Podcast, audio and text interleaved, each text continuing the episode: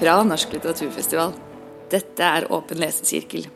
Bruk gjerne denne podkasten som utgangspunkt for egen lesing, eller som startkabel i samtale med andre.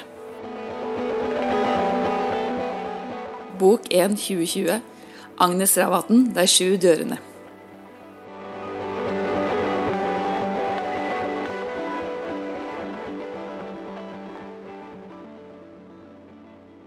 Det her er Mathias Samuelsen, kunstnerisk rådgiver i Norsk litteraturfestival, som prater. Under en paneldebatt på Litteraturhuset i Bergen går litteraturprofessor Nina Wisløw høyt på banen og sier at litteraturvitere burde være ansatt som politietterforskere. Det skal vise seg at dette utsagnet vil bli satt på prøve. Når leieboeren til Nina og mannen plutselig forsvinner, setter litteraturprofessoren i gang en etterforskning drevet dels av nysgjerrighet og dels av dårlig samvittighet. Det som skiller Agnes Ravatn sin krimroman fra andre krimromaner, er så klart at den er språklig mer spennende enn de fleste. Her får vi også den vanlige tørrvittige humoren som vi kjenner fra tidligere i forfatterskapet. Men det er ikke det eneste. Nina Wisløw er til dels beslekta med Miss Marple, og til dels med Dag Solstad sine karakterer. Hun er omtrent så utilpass i en krimroman som man kan forvente at en litteraturprofessor skulle være. Men kanskje er det det her som gjør boka så spennende. Jeg kan vel avsløre at det ikke hjelper hun noe særlig å være litteraturviter, men det er kanskje ikke det at du har en professortittel som er sentralt. Kanskje er det rett og slett det at du har en egen linse å se saken igjennom. Spørsmålet blir i hvert fall ser vi her starten på en ny krimheltinne? Vil vi møte Nina Wisløw i flere bøker?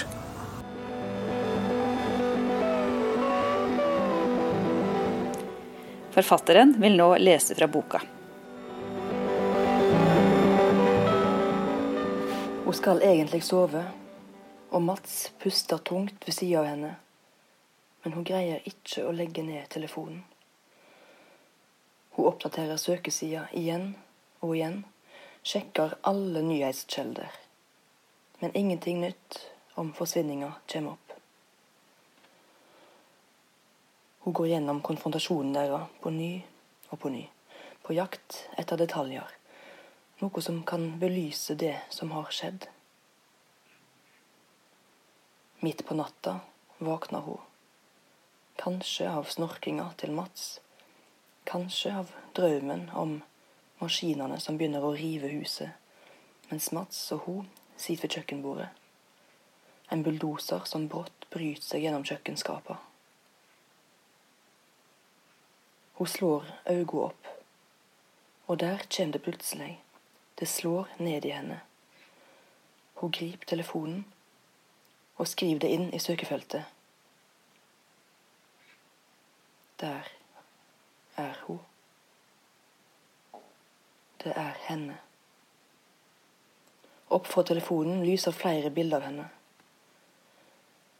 Nina kan høre sine egne hjerteslag. Mari Bull. Hun begynner å rulle nedover de mange treffa. Det er mange ulike fotografi, med og uten fiolin. Noen i aksjon sammen med orkester, noen rene portrett, et plateomslag med Mari Bull alene i en rapsåker.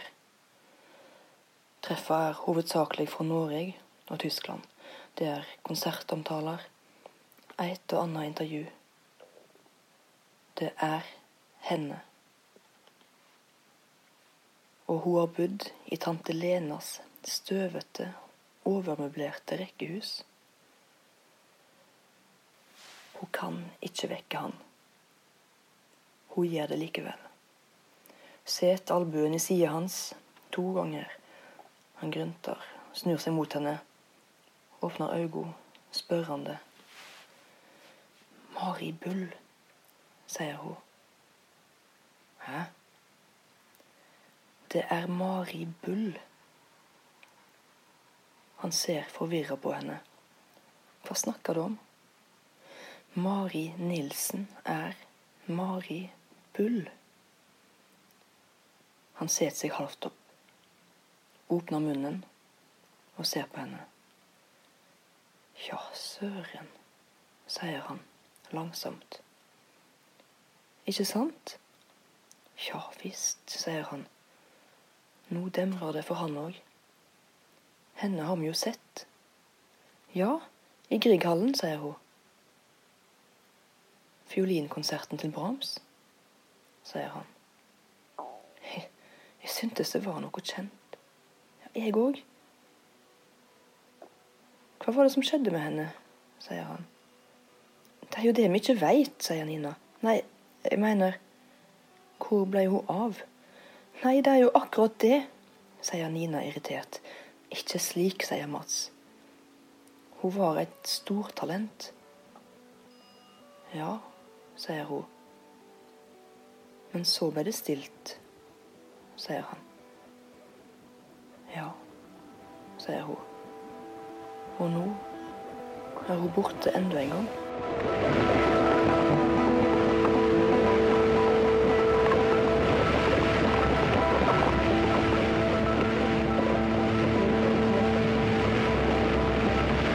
Neste episode Mariana Henrikes 'Ting vi mistet i brannen'. Kommer 27. januar.